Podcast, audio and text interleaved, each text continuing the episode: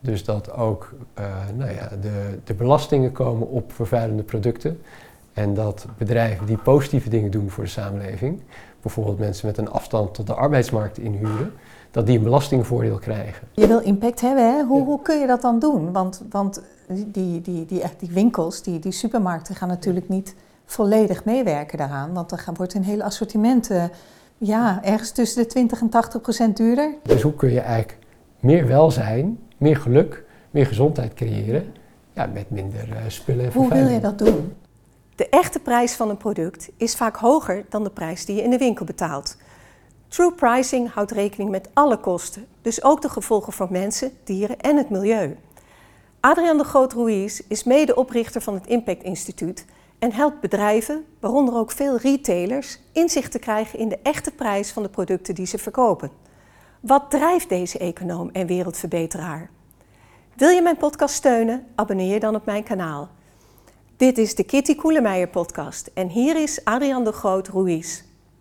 Adrian, je hebt een vraag voor mij. Ja, ik was benieuwd eh, of, of je wist wat het meest winstgevende bedrijf ter wereld is. Ja, dat, dat is vast een strikvraag. En ik, ik, ja, je zou dan denken dat. Ik zoek het dan in de hoek van de techbedrijven. Zo'n zo'n Apple, waarvan ik weet dat ze enorme marges maken.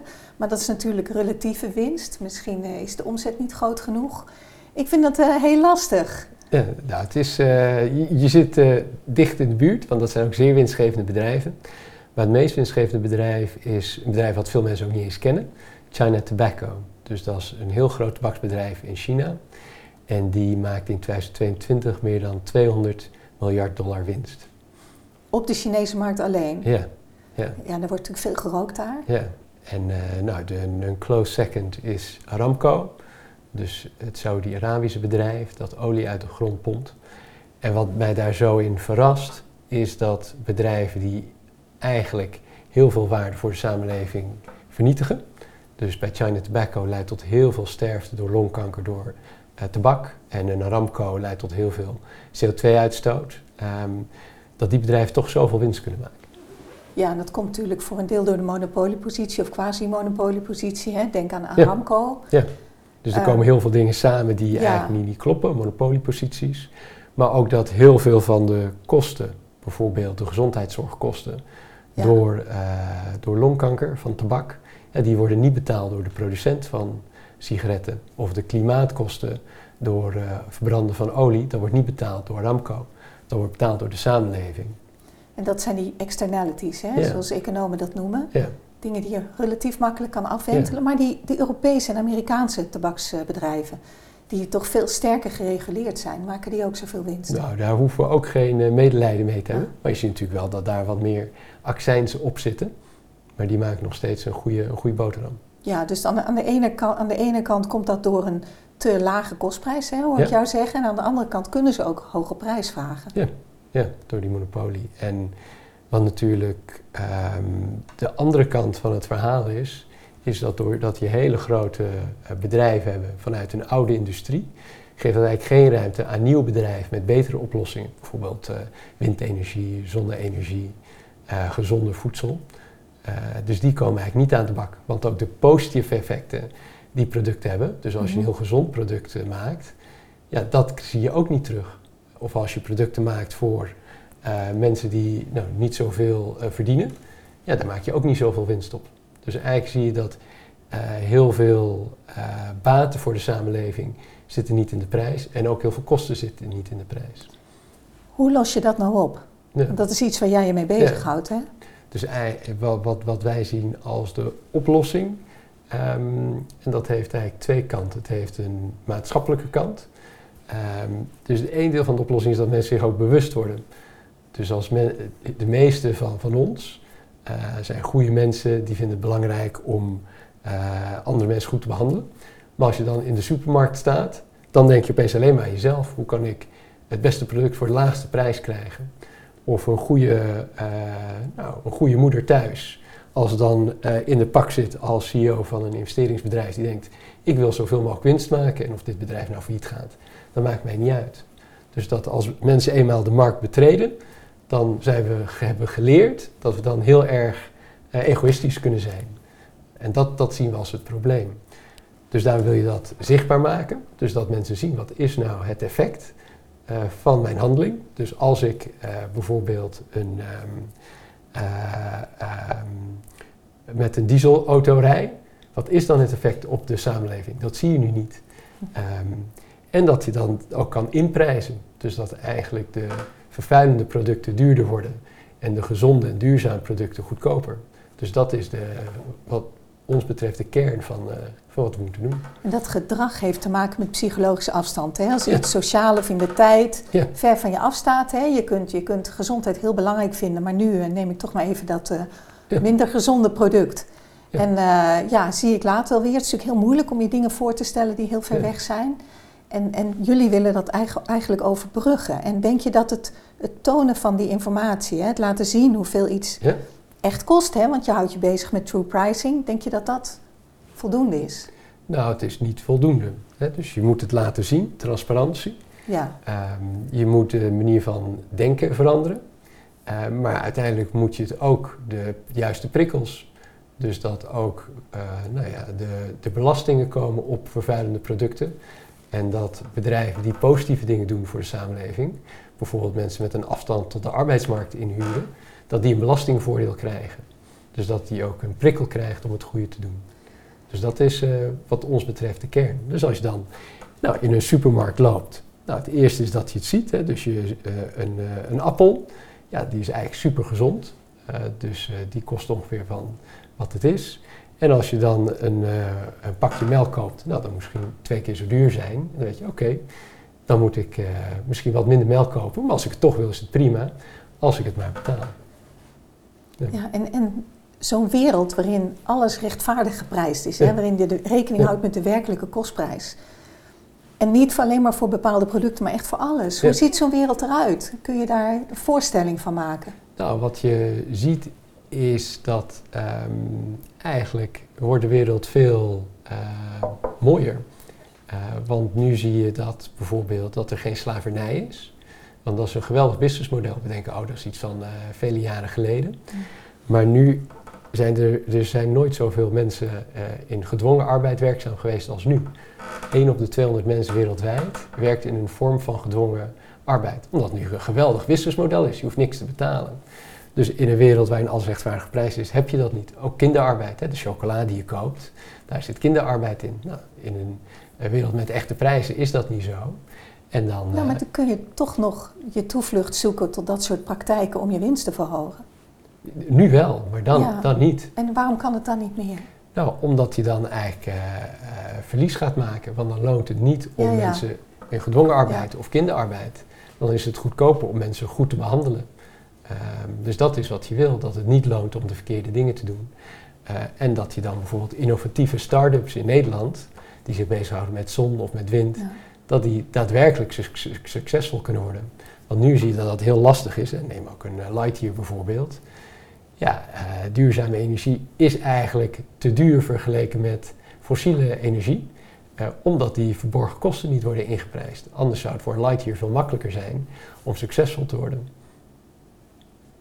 Ja, en als, je maar, als ik dan probeer me voor te stellen ja. hè, hoe het in, in dit deel van de wereld waar wij wonen, ja. hoe het is. Ja. Want je hebt bijvoorbeeld uh, vliegtuig, vliegmaatschappijen die, uh, ja, die, die niet alle kosten voor de kiezer krijgen, maar toch ontzettend weinig winst maken. Kan, kunnen we dan nog vliegen? Ik bedoel, hè, als, kun je een beetje een dag uit het leven beschrijven hoe het er dan uitziet? Of, of een, nou, ik denk het mooie is, um, want ik ben wel echt een, een fan van ondernemerschap en markten. Um, en een probleem nou, die, die, die ik wel zie, is dat je een soort duurzaam communisme wil creëren. Dat de overheid gaat bepalen wat we allemaal doen en hoe de wereld er dan uitziet ja. en welke vorm van energie wel of niet. En het mooie van de van markt is juist dat als je de prikkels goed hebt en de juiste informatie, ja, dan gaat de markt zoeken naar wat de beste oplossingen zijn, want dat weten we nog niet. Um, en dat is juist het mooie, dat als je echte prijzen hebt, uh, dan zien we wel welke bedrijven maken dan winst. En uh, nou, als vliegmaatschappij gaan dan waarschijnlijk failliet, een aantal. Dat is prima. Hè? Als een Aramco failliet gaat, als een Shell, dat is prima. En daar komen dan nieuwe ondernemingen uh, die ook voor onze energie of ons vervoer mogelijk maken. Um, Dus dat is eigenlijk hoe de, en dat is hoe de markt ook hoort te werken. Dus dingen die eigenlijk niet goed zijn, die maken geen winst en die gaan failliet. En dat geeft de ruimte aan nieuwe, ja, nieuwe bedrijven. Over disruptie gesproken, ja. hè? En zie Ja. je dat ook gebeuren? Zeker. Is- ik bedoel, Tesla is natuurlijk een groot disruptor. Ja, Ehm, maar je ziet wel dat het niet zo makkelijk is eh, om dat te doen. Dus eh, je, je wil dat veel meer zien. ja. Eh, en waarschijnlijk heb je ook veel meer kleinere, lokalere bedrijven, initiatieven. Dus minder van die hele grote bedrijven, ehm, ja, die ook moeilijk kunnen veranderen. En veel meer kleine bedrijven die wendbaarder zijn. Ja, dat zie je ook bijvoorbeeld bij energievoorziening. Ja, wordt veel decentraler. Want als iedereen e- eigen energie opwekt, batterijen, ja, dat past niet met al die hele grote bedrijven. Eh dan komen we in de knoei. Ja, dus je dus- ziet waarschijnlijk wel veel, nou ja, veel kleiner, decentraler, eh, wendbaarder. En versnel je dan de transities ook, Ja. de energietransitie, klimaat. Precies, Ja. precies. Of een voedseltransitie. Eh, want dan nou ja, is het veel makkelijker om nieuwe dingen te, te proberen. Dus dat is nu heel lastig om innovatief bezig te zijn. Ehm, ja, bijvoorbeeld, ik heb zelf ook toen ik 14 was eh, met een paar vrienden een golfslaggenerator gebouwd. Dus eigenlijk om, Wat is dat? om eh, een, een machine om elektriciteit uit golfslag te halen. Dus ik ben geboren in Mexico en ik dacht, ja, we hebben hier niet heel veel zon, maar wel heel veel golfslag. Hm. Dus kun je daar wat mee. En we zagen dat eigenlijk al die ontwerpen gingen kapot, eh, die er toen waren. Dus we hadden een nieuw idee bedacht, daar ook wat seedfunding voor gekregen. Ehm, nou, en uiteindelijk hadden we wel heel veel prijzen, eh, maar was het heel lastig om er echt een onderneming van te maken. Nou, dat komt natuurlijk omdat we heel jong waren. Als je 15 bent, ben je geen goede ondernemer. Maar zagen we ook van, ja, het probleem is niet technisch, maar het probleem is dat er gewoon geen business case in zit. Ja. Dus toen dacht ik, ja, het is toch wel gek. Hoe kunnen dingen die goed zijn voor de samenleving eigenlijk niet lonen? Ehm, en dat is wat je, nou, wat je eigenlijk wil veranderen. Ja, en dat heeft je, dat heeft je ook toe aangezet Ja. uiteindelijk dit te gaan doen. Ja, ik, hè? ik moet geen bent- ingenieur worden, want ja, het is Nee. niet dat we geen technisch probleem kunnen vinden. Maar het zit hem echt in hoe we de economie hebben ingericht. Dus je bent econoom geworden. Ja, ja. Ja, en dan, dan ben je toch nog niet in één keer naar, naar dit eh, True Pricing, eh, wat is het, Impact Instituut en True Pricing gegaan. Want dat ben je begonnen in 2012, hè? ja. Ja, en, en ging, dat, ging dat meteen goed? Nou, en- en- nee, dat ging niet meteen eh, goed, want heel veel mensen toen we begonnen. Ehm, en eigenlijk zeiden we ja, ehm, de, het was ook wel geboren uit de frustratie. eh, want we zaten heel eh, nou, diep ook in de duurzaamheidshoek. Mm. Maar het was best wel ehm, nou ja, vaag wat mensen voorstelden. Eh, en we zagen ook van ja, die bedrijven zijn zo goed georganiseerd. Als je daar wat goede bedoelingen tegenover zet, dat gaat het niet veranderen. Zolang eh, een, een, een ongezonde pizza goedkoper is dan een gezonde salade, gaan we er niet komen. We kunnen wel heel veel goede bedoelingen hebben.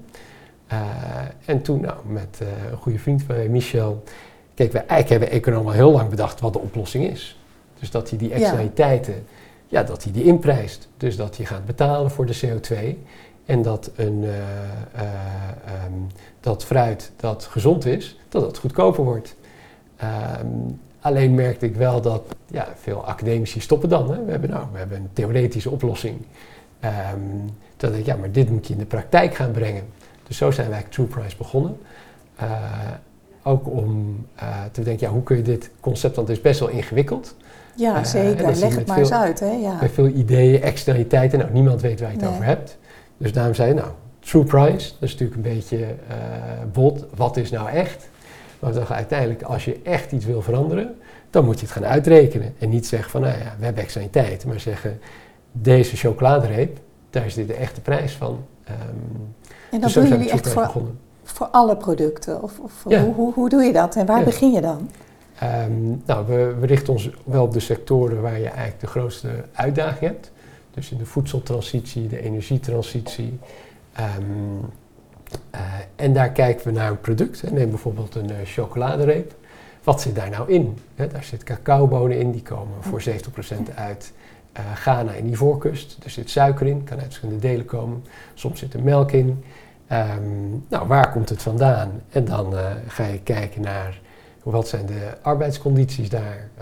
Worden mensen voldoende betaald? Is de onderbetaling? Krijgen de boeren voldoende? Is de kinderarbeid? Is de gedwongen arbeid? Hoeveel CO2 komt erbij vrij? Eh, wordt, is er ontbossing? En uh, nou, dat tel je uiteindelijk allemaal op tot een, uh, tot een prijs. Want dat zien we ook, dat als je dit hele verhaal over al die ingrediënten, al die ketens, ja, je kan moeilijk een consument een soort bijbel geven bij elk product. Ja, Ga maar lezen. Dus met TruePrice kun je eigenlijk al die informatie terugbrengen tot een euro-getal. Maar heb je dan een database of iets wat, wat consumenten kunnen raadplegen? Of je, je doet het via Ja. de andere route, hè? Ja. via de aanbieders? Ja, dus we werken eigenlijk met bedrijven, omdat je zoveel van die informatie nodig hebt. Ja. Ehm, eh, en omdat wij een positieve boodschap belangrijk vinden, werken we eigenlijk met eh, bedrijven die het beter willen doen. En met hen eh, nou ja, zorgen we dat zij hun echte prijs kunnen laten zien. Bijvoorbeeld een supermarkt in Amsterdam. Nou, die laat echte prijzen zien. Eh, en, eh, veel, en die moet je dan ook betalen hè, als, eh, als klant. Dus Ja, de Albert Heijn heeft toch dat experiment gedaan? Of zijn Albert er nog Heijn veel heeft meer? experimenten. Ehm, de aanzet in Ah. Amsterdam, die, doet het al, die doet het al jaren. Ehm, en je ziet dat ook best veel in de, eigenlijk in de ehm, eh, kantines. Dus dat verschillende partijen die eigenlijk in bedrijfskantines dat doen, Ja. dat die dat nu aanbieden. Ehm, dus dat is eh, nou, hoe we doen. En even als voorbeeld, zo'n chocoladereep. Ja. Wat, wat is het verschil in prijs? Ja, dus ehm, nou, dat hangt dan ook van de ingrediënten af. Hè. Dus bij een eh, chocoladereep van, nou, die is ongeveer 100 gram, een gemiddelde reep. Als die eh, puur is, 70 procent, dan zit er nog eh, eh, 29 gram suiker in. En dan is de echte prijs ongeveer eh, 3 euro. Dus die kost nu 2 euro in het schap. En dan is de echte prijs ongeveer 3 euro van zo'n reep. Dus dan komt er 50 procent bij. Maar dan wordt het, het levensonderhoud wordt natuurlijk heel veel duurder. Hè? Als het al 50% op een Ja. reep chocolade is. Ja. Hoe, je wil impact hebben, hè? Hoe, Ja. hoe kun je dat dan doen? Want, want die, die, die, die, winkels, die, die supermarkten gaan natuurlijk niet volledig meewerken daaraan. Want dan gaan, wordt een hele assortiment, eh, ja, ergens tussen de 20 en 80 procent duurder, kan ik me zo voorstellen. Ja. En dan, dan is de, we hebben het allemaal over bestaanszekerheid. En Ja. Hoe, hoe kun je dat nog betalen? Ja, dus daarom vinden we het ook belangrijk om te starten met die transparantie. Dus dat je dat inzicht hebt. Ja, Eh, en het mooie is, ja, die, die e- echte kosten die kunnen heel erg naar beneden. Dus waar markten heel erg goed in zijn, is als je concurrentie hebt, ja, dan gaat die prijs naar beneden, wat een goed Ja. iets is. Maar je wil dus concurrentie op die echte prijs. Ehm, want nu zijn die echte kosten zo hoog, omdat er geen enkele prikkel is eh, om dat te doen. Bijvoorbeeld, ehm, eh, we hebben een eh, project in Mexico gedaan op koffie. En daar zagen we dat een gemiddelde koffie, nou, een boer krijgt ongeveer eh, eh, 3 euro. Ehm, en de echte prijs is 10 euro. Gewoon voor de koffiebonen van zo'n boer. Eh, dan denk je, ja, dat, valt niet te betalen. Ehm, maar als je dan kijkt naar boeren die biologisch zijn, die hebben al veel lagere echtprijs, ongeveer van de 6, 7 euro. Het probleem is, eh, dat is niet heel schaalbaar. Want Mhm. ja, die, die hebben hele lage producties. En je hebt dat eh, nog modernere eh, technieken, die ook de FAO heeft ontwikkeld, Climate Smart Agriculture. Ehm, uit een aantal experimenten in het veld bleek dat je die echte prijs tot ongeveer 4 eh, dollar kan terugbrengen. Nou, en dan is het wel te doen. Ehm, alleen Ja. nu zie, zien wij niet het verschil in dat pakje koffie tussen die 10 euro of die 4 euro. nee. Dus er is geen informatie en geen prikkel. Eh, en dat is wat we willen laten zien. Ehm, zodat je ja, echt goedkopere producten krijgt. En daarna is de tweede stap natuurlijk ook dat de overheid, en daar heb je wel een overheid voor nodig, die zegt oké, we gaan bepaalde producten duurder maken. Hè, bijvoorbeeld met veel, eh, eh, met veel vet of met veel suiker. En gezonde producten gaan we goedkoper maken. Want Ja, dan dat- kan dat- iedereen moet gewoon een gezond dieet kunnen. kunnen Maar dat gaat, loopt niet zo vaart. Hè. Neem alleen al btw-verlaging op eh, groente en fruit. Dat, ja, dat is al een hele discussie daarover. Ja. Blijkbaar is dat heel moeilijk om dat door te voeren. Ja, dus daarom zien wij ook dat de, ja, de, de verandering moet uit de markt komen. Want als ook, ja, anders moet de overheid bedenken hoe het eruit moet zien. Ja, En als die transparantie er is, en dan kun je zeggen, oké, dan kan de overheid helpen om de achterblijvers mee te nemen. Eh, dus we geloven wel dat de innovatie, ja, die moet komen uit de markt zelf. En dan kan de overheid, die kan dan eh, eigenlijk de achterblijvers mee gaan nemen. En je doet dit samen met de overheid. Steunt de overheid jullie? Eh, nou, niet, niet, niet, Nee, niet. niet, niet direct. Nee. Ehm, maar we werken wel met anderen ook om je ziet dat in heel veel partijprogramma's is het nu opgenomen, true Ja. pricing. Ehm, dus er is best wel veel draagvlak voor. Er is een motie in de Tweede Kamer eh, aangenomen eh, voor de val van het kabinet. Waarin de meerderheid van de Tweede Kamer stemde om eh, te onderzoeken hoe echte prijzen geïmplementeerd konden worden. En ook bijvoorbeeld, nou ja, waar wij tegenaan lopen, is dat heel veel academici die denken, ah, dit is heel erg ingewikkeld. Ehm, maar dat nu komt voor de nieuwe generatie, komt in de schoolboeken, komt pricing voor, eh, voor economie. Ehm, dus nou, dan gaan mensen ook eh, anders nadenken. Hè, dat ze niet eh, te horen krijgen, nou, je moet alleen maar zoveel mogelijk winst maken als bedrijf. Want eigenlijk indoctrineren onze kinderen. Dat zo hey, je hebt ook iets als echte prijzen en dat je als bedrijf iets goeds kan doen voor Ja. de samenleving. Ja, zo functioneert de, de markt natuurlijk. Hè? Ja. Ik bedoel, als je concurreert met bedrijven die lagere kostprijzen hebben, die meer Ja. winst maken, dan, dan moet je zorgen dat je zelf ook meedoet. En vaak is dat natuurlijk door op te schalen, hè? schaalvoordelen mee te nemen, netwerkvoordelen. Ja. Dat, dat haal je er niet zo snel even uit. Hè? Nee. En je ziet ook dat, eh, nou, bijvoorbeeld bij biologisch, ehm, dat je ziet dat eh, biologische producten, nou, hebben vaak wel een betere milieuafdruk eh, per hectare. Maar ze zijn, je hebt wel minder hoge productiviteit. Dus je hebt wel Mm. minder koffie per nou, stukje land. Ehm, maar de reden is natuurlijk ook wat jij aangeeft. Ja, er is veel minder in geïnvesteerd. Ja. In conventioneel is natuurlijk Ja. honderden miljarden in geïnvesteerd, grote schaal. Eh, ja, en je kan niet zeggen, eh, we gaan alles op een houtje-touwtje wijze doen. Dus je, hebt, je moet wel bi- biologisch of andere wijze. Ja. Maar dan moet je dan wel met die, nou ja, eh, vanuit schaal proberen te denken. Eh, hoe kun je daar ook in investeren? Dus je wil wel investeringen Mm. in duurzame producten. Want anders gaat het er, eh, gaat het er niet komen. En je begon in 2012, hè? Dat Ja. Is, ja, dat- toen was dat nog een heel nieuw idee. Je ziet Ja. nu inderdaad bij de jongere generaties dat ze dat concept true pricing eh, Ja. beter kennen, beter snappen. Ja. Neemt het nu echt een vaart? Want jij, je wil natuurlijk ook je eigen impact meten. Hè? Ja. Want zie je, zie je al echt resultaten, los van de experimenten die we her en der zien? Nou, we zien, ehm, we, eigenlijk hebben we nog wel veel te doen.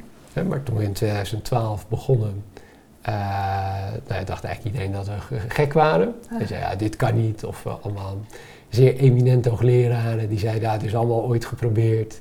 Eh, ja, dit is te ingewikkeld. Ah. Ehm, we zijn beschuldigd, dit is communisme als je met de prijzen... Dus er was best wel weerstand tegen. Ehm, en je ziet wel dat dat in de afgelopen tien jaar echt wel is omgeslagen. Dus eh, nou, we hadden bijna geen politieke partijen die de brood in zagen. Geen bedrijven, eh, ambtenaren. En nu is dat allemaal wel eh, veranderd. Nou, niet alleen door ons, hè. er zijn heel Ja. veel andere partijen mee bezig. Maar dat is ook wel hoe we onze impact zien. Dat eigenlijk nou ja, heb je een concept en veel andere partijen denken, hey, dit is interessant. En daarmee creëer je een beweging. Hè, dus zijn we een True Ja. Price, zijn we een sociale onderneming, maar we zien het ook als een beweging. Ehm, hè, dus onze impact zit erin dat veel ja, bedrijven dit gaan doen. Eh, dat de politiek denkt, hey, kunnen we dingen anders doen? Daar zit onze grootste, grootste impact. Maar is het nou bewustwording waardoor je een gedragsverandering wil bewerkstelligen? Of wil je echt die true prices, wil je die ook Die- echt doorvoeren? Zeker, die moeten gewoon in Maar elk- gebeurt dat al? Nou, je ziet eh, bij een aantal eh, winkels dat het gebeurt. Ja, dus je dat ziet dat het steeds meer, maar het is nog steeds een relatief kleine groep. Als je al ziet hoe moeilijk het was om sigaretten uit het schap te halen. En dat doen ze nu omdat het verboden wordt, hè, gereguleerd. Maar ook zaken als snoep. Hè, waar, waarbij toch vooral naar elkaar wordt gekeken. En dan wordt er gezegd, ja, consument moet keuzevrijheid hebben. Dat gaat nog in wezen veel minder ver dan waar, waar jij mee bezig bent. En, en de, eh, de kracht van true pricing is dat je nu ziet dat je eigenlijk voor elk product andere, een, andere, een ander label, een andere aanpak nodig hebt. Dus we hebben ook heel veel verschillende labels. Eh, of je nou een eh, t-shirt koopt of als je gezond voedsel. En het mooie van een echte prijs is dat het voor elk product werkt. Dus dan heb je eigenlijk maar één aanpak nodig voor alle producten. Dus dat is wat, ehm, nou, waarom we denken dat het eh, veel haalbaarder is. Ja. Ehm, en wat we nou ja, ook wel zien is dat, eh want we dachten ja, van isn't it too good to be true? Want eigenlijk Ja. zeggen we wel, als je echte prijs hebt, dan kun je een duurzame economie hebben. Ehm, En het is niet ons idee, hè. De, door de Pigou, een econoom, uh, in uh, begin uh, 20e eeuw heeft het al bedacht. Maar heel lang was het niet mogelijk, want ja, je kon wel dat idee hebben, maar hoe weet je nou wat de CO2 is, of het de, de kinderarbeid, of wat is de impact op biodiversiteit? Um, dus je kon het gewoon ook niet uitrekenen. Dus daar bleef het een academisch exercitie. Ja, je had natuurlijk wel van die life cycle uh, metingen, maar het was allemaal... In de jaren zeventig ja, is, is, is, dat gekomen. Maar dat was maar heel omslachtig en ja, onnauwkeurig. Ja, dus, en inmiddels is de wetenschap is er gekomen. We hebben nou, een aantal Nobelprijswinnaars ja. op klimaat. En ook de technologie. Dus we hebben nu technologie waardoor je al die impact op zo'n product kan, uh, kan meten. Dus dat is, ja, dat is wel de kans die, die we zien. En jullie houdt je ook bezig met de energietransitie. Ja. En wat mij altijd bezighoudt, hè, ja. is, is de windmolens. Kan ja. dat uiteindelijk uit? De elektrische auto, is dat nou echt zo milieuvriendelijk? Dat hebben jullie ook uitgezocht, hè? Ja, want we hadden nou, ook, ook de vraag van... als je kijkt naar elektrisch... in zo'n... Uh, nou, voordeel is, je hebt minder olie, dus minder CO2-uitstoot. Aan de andere kant, je moet wel zo'n uh, motor maken... Uh, en daar heb je mineralen voor nodig. Ja, zeldzame aardes. Die batterij. Ja. Um, je hebt ook wel nou, sociale kwesties. Als je ja, bij het delven van die mineralen. Ja. Dus wel een terechte vraag. Als je dat allemaal meeneemt, en niet ja, alleen nou. CO2, maar ook die andere, is het dan daadwerkelijk beter? Ja, je, op een gegeven moment is die auto aan het einde van zijn levensduur, zijn technische levensduur. Dan, dan kun je dat wel goed recyclen allemaal. Ja, en um, nou, dus we hebben gekeken uh, eigenlijk voor investeerders. Die zochten waar moeten we nou in investeren. Um, en dat als je al die dingen meeneemt, en dat is het mooie van true pricing, ja, je kan al die effecten, biodiversiteit, klimaat, uh, onderbetaling, kan je allemaal samen nemen. Um, en daar kwam uit dat toch uh, elektrische auto's 20, 30 procent beter zijn. En ze zijn niet perfect nog, maar ze zijn wel beter. Um, beter in de zin van? Be beter voor de planeet. Ja, ja. ja. Maar als het gaat om hun prijs, hè, weerspiegelt die dat ja. ook? Nou, nu, nu, nee. niet. Hè. Nu zijn nee. ze nog uh, relatief duur. Uh, die worden wel echt een stuk goedkoper. En het andere wat interessant is, uh, daarom is, is, dat marktdenken belangrijk, dat hoeveel duurzamer zo'n elektrische auto is, hangt heel erg af van de energiemix. Hmm. Dus als je energie opwekt met allemaal kolen, ja, dan heeft het minder zin dan als je een duurzame energiemix hebt. Zoals in Europa uh, is elektriciteit eigenlijk een stuk beter dan als je kijkt in uh, Zuidoost-Azië, waar eigenlijk ook ja, gewoon elektriciteit best wel uh, vervuilend is.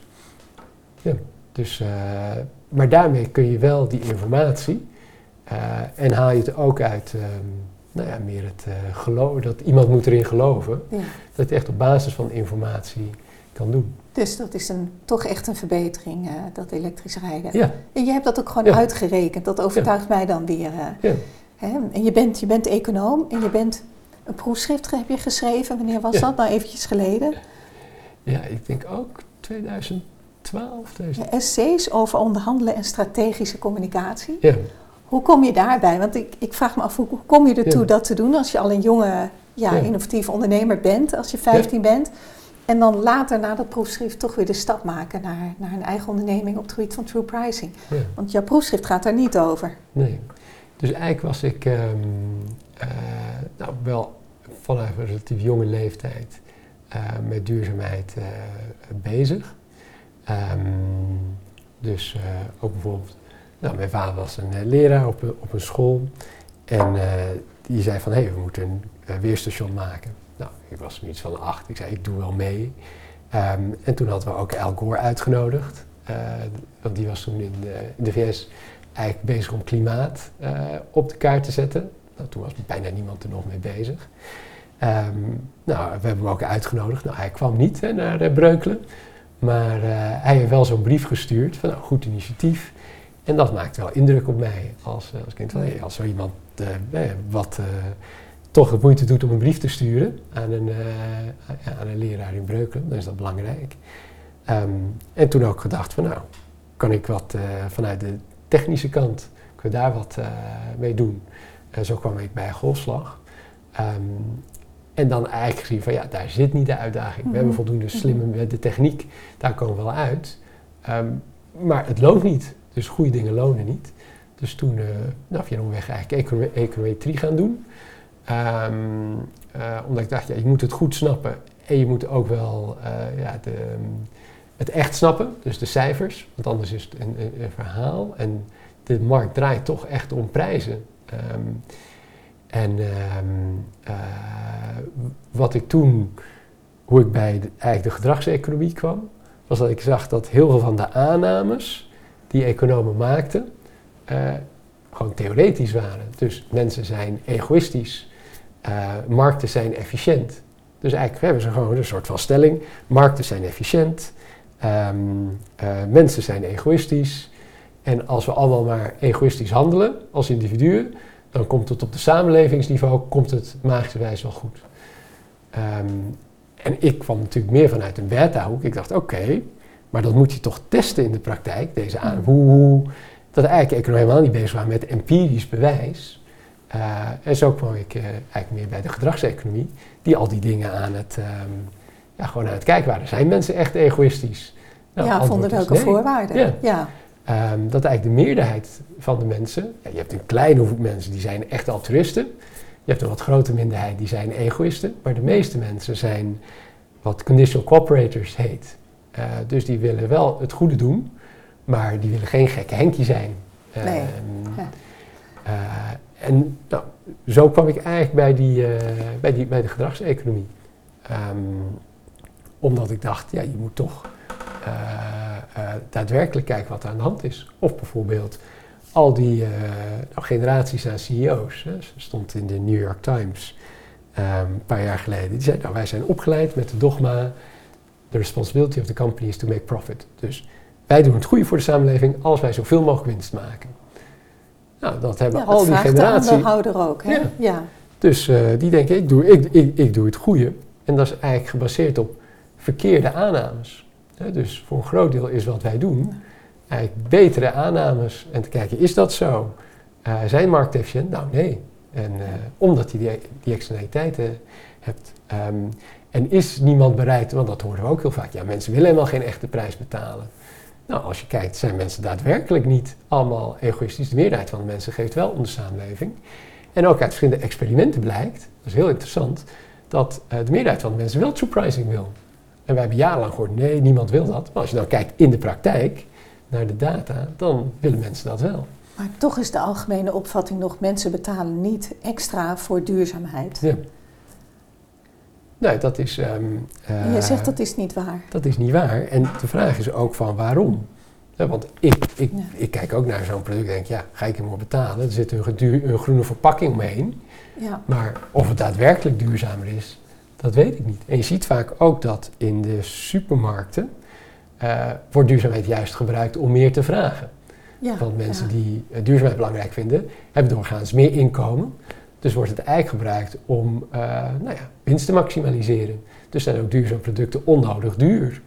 Um, ja, vanuit dat winstoptimalisatie. Dus daar helpt het ook dat je als consument vertrouwt: oké, okay, ik ben bereid om meer te betalen, maar niet als daar alleen maar meer winst mee wordt gemaakt. Uh, dus dat is. Nou, ja, dan zit je in de greenwashing-achtige ja. praktijken ja. natuurlijk. Dus dat dat, dat de reden is dat mensen niet meer willen betalen. Nee, dan denk ik, ik, word gewoon besodemieterd. Ja. ja, maar je weet ook niet nee. Nee. wanneer het klopt. Dus dan denk je dan aan een keurmerk of, of nou, dat weer je, een keurmerk, nog één. Dat je eigenlijk echt de prijs laat ja. zien.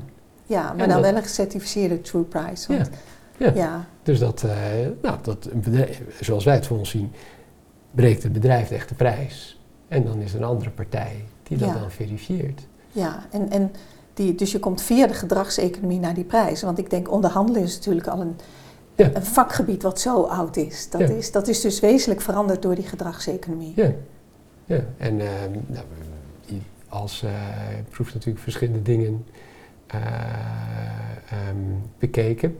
Maar eigenlijk voor mij het meest fundamentele was hoe kun je op een andere manier kijken naar, nou ja, naar mensen. Eh, Mm. En eigenlijk echt vanuit de data en niet vanuit nou, de geloofsartikelen van economen die 200 jaar overleden zijn. Ja. Hm. En internationaal, hoe zit dat? Want je, je, richt je natuurlijk vooral op de Nederlandse markt, denk ik. Heb je... Hè? Nou, je hebt eigenlijk best wel veel, eh, in, in, ook in Europa, zie je dat eh, eh, een commissie van het parlement had ook gestemd om, voor die, eigenlijk om duurzame, duurzaam voedsel gezonder te maken. Dat is eigenlijk voor true, voor true pricing. Ehm, dus je ziet dat ook in Europa is er best veel belangstelling voor. De Wereldvoedselorganisatie, FAO, heeft net een rapport gepubliceerd over nou, wat zijn nou de verborgen kosten van, um, uh, van voedsel. Die kunnen we denk ik als link opnemen. Hè? Ja. ja en wij hebben ook met uh, een paar universiteiten voor de United Nations Food System Summit, eigenlijk ook met allerlei wetenschappers uitgerekend wat zijn de echte kosten van het voedselsysteem. Um, nou, wij kwamen uit op uh, uh, 20 biljoen. Dus dat, is, dat zijn heel veel nullen. En dat is eigenlijk de hele voedselsector, de GDP, BBP van de hele voedselsector en van de gezondheidssector samen is hetzelfde. Dus dat is echt gigantisch. Um, maar we merkten toen ook op, um, samen met die groep wetenschappers, van ja, er zijn 3 miljard mensen die geen gezond dieet kunnen betalen. En niet dat ze het niet willen, maar ze kunnen het gewoon niet betalen. Dus hoe krijg je aan de ene kant voedsel goedkoper en aan de andere kant duurder? Nou, en daar, ja. en dat is waarom ook, uh, nou, in, dat, in dat verband was ook de aanbeveling, ja, met true pricing, uh, true cost accounting, um, kun je eigenlijk de goede producten goedkoper maken en de uh, ongezonde producten, niet duurzame, duurder. En per saldo, wat levert dat? Als je kijkt naar de consument, per saldo ja. wordt het, het hoeveel hoeft het leven niet duurder duur, te worden. Het hoeft niet duurder nee. te worden. Het wordt alleen anders. En dat je ook ziet dat er is ongeveer een derde van het uh, nou, bruto binnenlands product in de agrarische sector zit in vormen van subsidie. En 90 daarvan is niet gelinkt aan duurzaamheid. Dus je kan gewoon bestaande uitgaven, die kun je uh, inzetten voor, uh, uh, voor duurzaamheid. Dus daar hoeft niks uit. En ook bijvoorbeeld de gezondheidszorgkosten. Ja, in heel veel landen zijn dat de grootste kostenposten. Ja, Hoe houden we de zorg betaalbaar? En nu laten we eigenlijk mensen ziek worden en gaan we achteraf betalen dat ze beter kunnen worden. Terwijl als je inzet op preventie door gezonder voedsel, en maakt dat goedkoper, ja. ja. dan ben je veel goedkoper uit. Het enige is, ja, je hebt verschillende ministeries, maar dat is wel, en ook uit onderzoek blijkt dat als gezond voedsel ongeveer 10% goedkoper wordt, uh, dat mensen 13% meer consumeren. Dus het heeft wel daadwerkelijk een effect op het gedrag.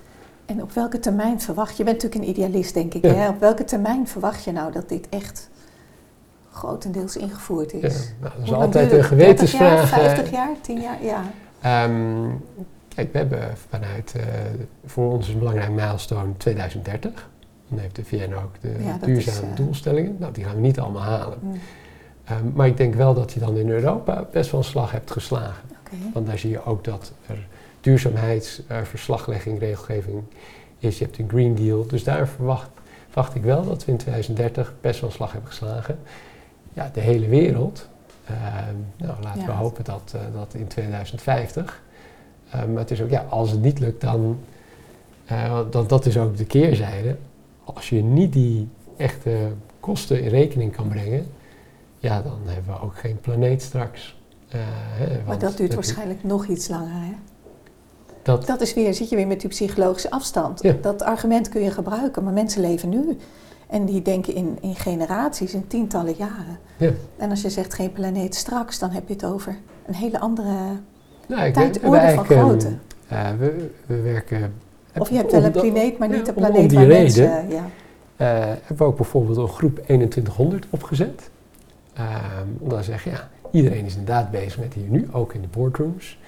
Uh, en hoe komt dat? Nou, de meeste mensen die nu in raden van bestuur en commissaris zitten, die zijn er niet meer in 2100. Nee. Uh, dus die denken ook niet in die termijnen. Dus dat eigenlijk cruciaal is om jonge mensen uh, toekomstige generaties die op een lange ja. termijn, om die te hebben in die, eigenlijk in die besturen. Nou, raad van bestuur, daar moet je echt wel wat ervaring voor hebben. Mm. Maar wel in commissariaten, dat daar ook mensen komen die wel nadenken over 2100. Nou, we hebben nu een hele groep aan zeer getalenteerde, ervaren commissarissen, uh, jonge mensen. om dat denken, want dat is, wel, dat is wel nodig. Als je dat er niet tussen de oren gaat krijgen. Ja, en overtuigingskracht moeten ze ja. ook hebben, ja. ja. Dus, um, dus dat is inderdaad een groot probleem. Want ook heel veel van de, als wij met bedrijven werken, zijn eigenlijk ook voor hun goed. Want je voorkomt die risico's. Uh, ook op de lange termijn is het mm. vaak verstandiger voor je aandeelhouder om geen nou ja, domme dingen te doen. Ja. Um, maar ja, als je denkt over je kwartaalwinst, dan ben je niet geïnteresseerd in je... Ja, je moet wel. Ja. Je, moet, je, moet, je, Ja. moet je rapportages afgeven. Je Ja. bent, eh, de analisten vinden er wat van. Ja, bijvoorbeeld ook een, eh, bij Danone. Mhm. Nou, die Emmanuel Fabius, een- de CEO, die was echt wel duurzaamheidsminded. Ehm, maar ja, uiteindelijk, eh, en ze deed ook goed, maar uiteindelijk eh, is die wel gewoon gewint. Want kreeg, ja, leuk, om, om die paar procenten kwartaalwinst. Dus eigenlijk zien we ook dat bedrijven gevangen zitten. Ja. Je denkt, oh, die zijn heel groot, Ja. maar die zitten eigenlijk gevangen in dat eh, Hoe doorbreek je dat? Want wat vind je bijvoorbeeld van degrowth? Ja. Geloof je daarin? Ehm, nou, Of, ik, of vind je dat belangrijk, moet ik eigenlijk zeggen? Het is geen geloof. Kijk, de vraag is, grow, degrowth waarvan?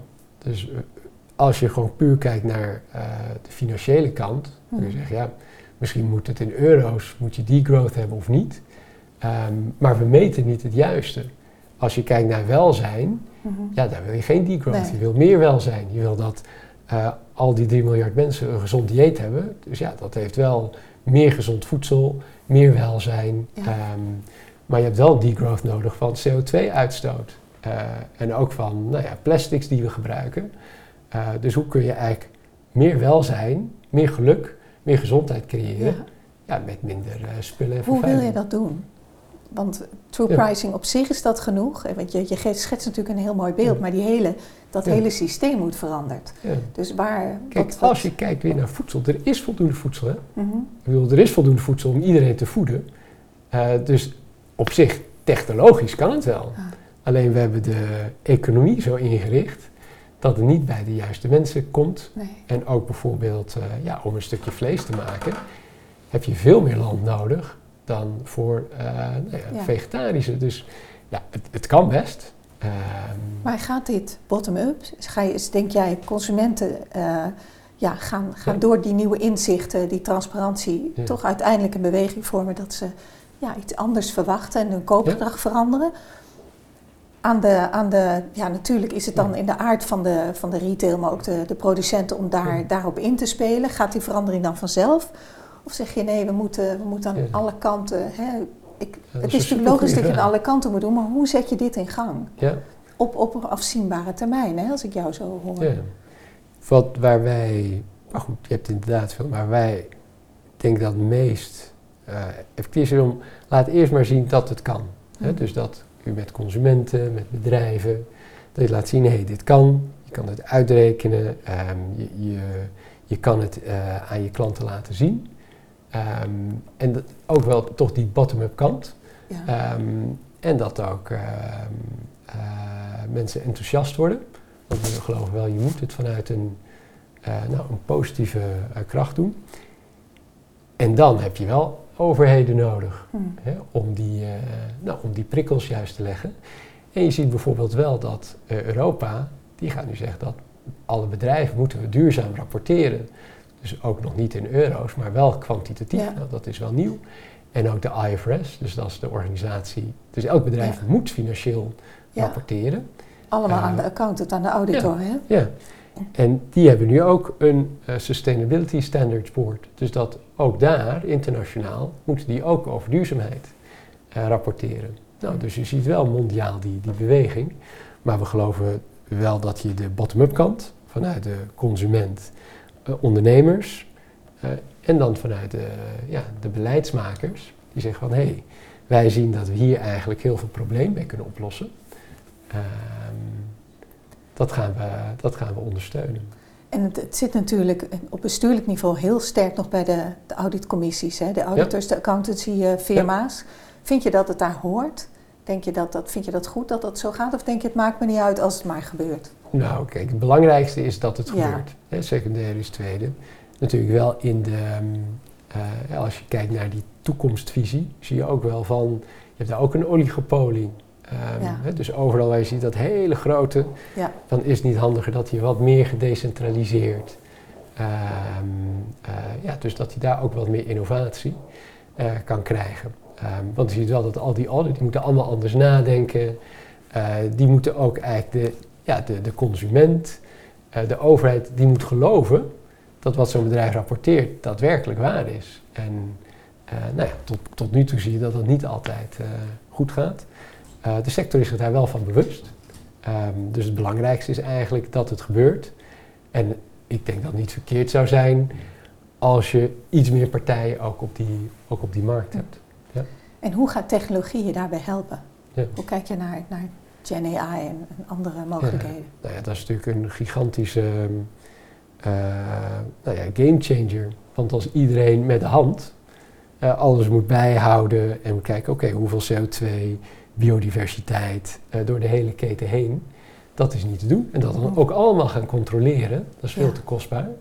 Maar als je dat met nieuwe technologieën, bijvoorbeeld, nou, ik denk dat blockchain niet zo interessant is voor cryptomunten, maar het is wel heel interessant om uh, te verifiëren uh, waar producten vandaan komen. Uh, en dat je met AI kun je natuurlijk een eerste slag slaan op heel veel wat nu handmatig gebeurt. En daarna heb je nog steeds een persoon nodig. Um, maar dat zijn wel de technologieën waardoor dit veel goedkoper kan. Ja, dat klinkt, dat klinkt veelbelovend. En ik, ik vraag in deze podcast ook altijd om advies aan jonge managers en ondernemers. Ja. Jij bent ook allebei, denk ik, hè? Ja, ik denk, um, is altijd het belangrijkste, um, ja, dat je altijd kiest voor wat je echt wil doen. Hè? Dus, en dat je niet zegt van, nou, dat komt wel. Uh, ik moet nu even geld verdienen, uh, voor mijn familie zorgen, uh, leren. En over twintig jaar ga ik wel iets goeds doen voor de, voor de samenleving. Um, dus doe echt wat je, nou ja, wat je wilt, dat is denk ik het belangrijkste. Uh, en daar ook voor durven te kiezen. Dat, uh, ja, dat is voor mij het allerbelangrijkste. En als je nou niet weet wat je wil, wat je echt wil? Um, nou, ga dan zoeken wat voor mensen voel je je goed bij. Dus wat voor, met wat voor type mensen uh, wil je werken. Um, laat je daardoor, nou, laat daardoor leiden, want dan kom je ook dichter bij jezelf. Dat zien we ook vaak, dat mensen idealistisch beginnen en dan komen ze in een bepaalde context. Ja, en dan heb je heel snel allemaal patronen geleerd. En dan zit je daarin vast. Dan denk je, ik doe het een jaar. En dan zit je twintig jaar en denk je, denk, wat heb ik gedaan? Ja. Wijze woorden. Dank, dankjewel Adriaan. Fijn ja, dat je er was. Ja. Het was uh, ook heel fijn uh, om hier te zijn. Ik hoop uh, dat het voor de luisteraars ook nog wat heeft gebracht. Nou, ik denk het wel. Dankjewel. Dit was de Kitty Koelemeijer podcast. Als je dit gesprek interessant vindt, like dan deze aflevering en abonneer je op mijn kanaal.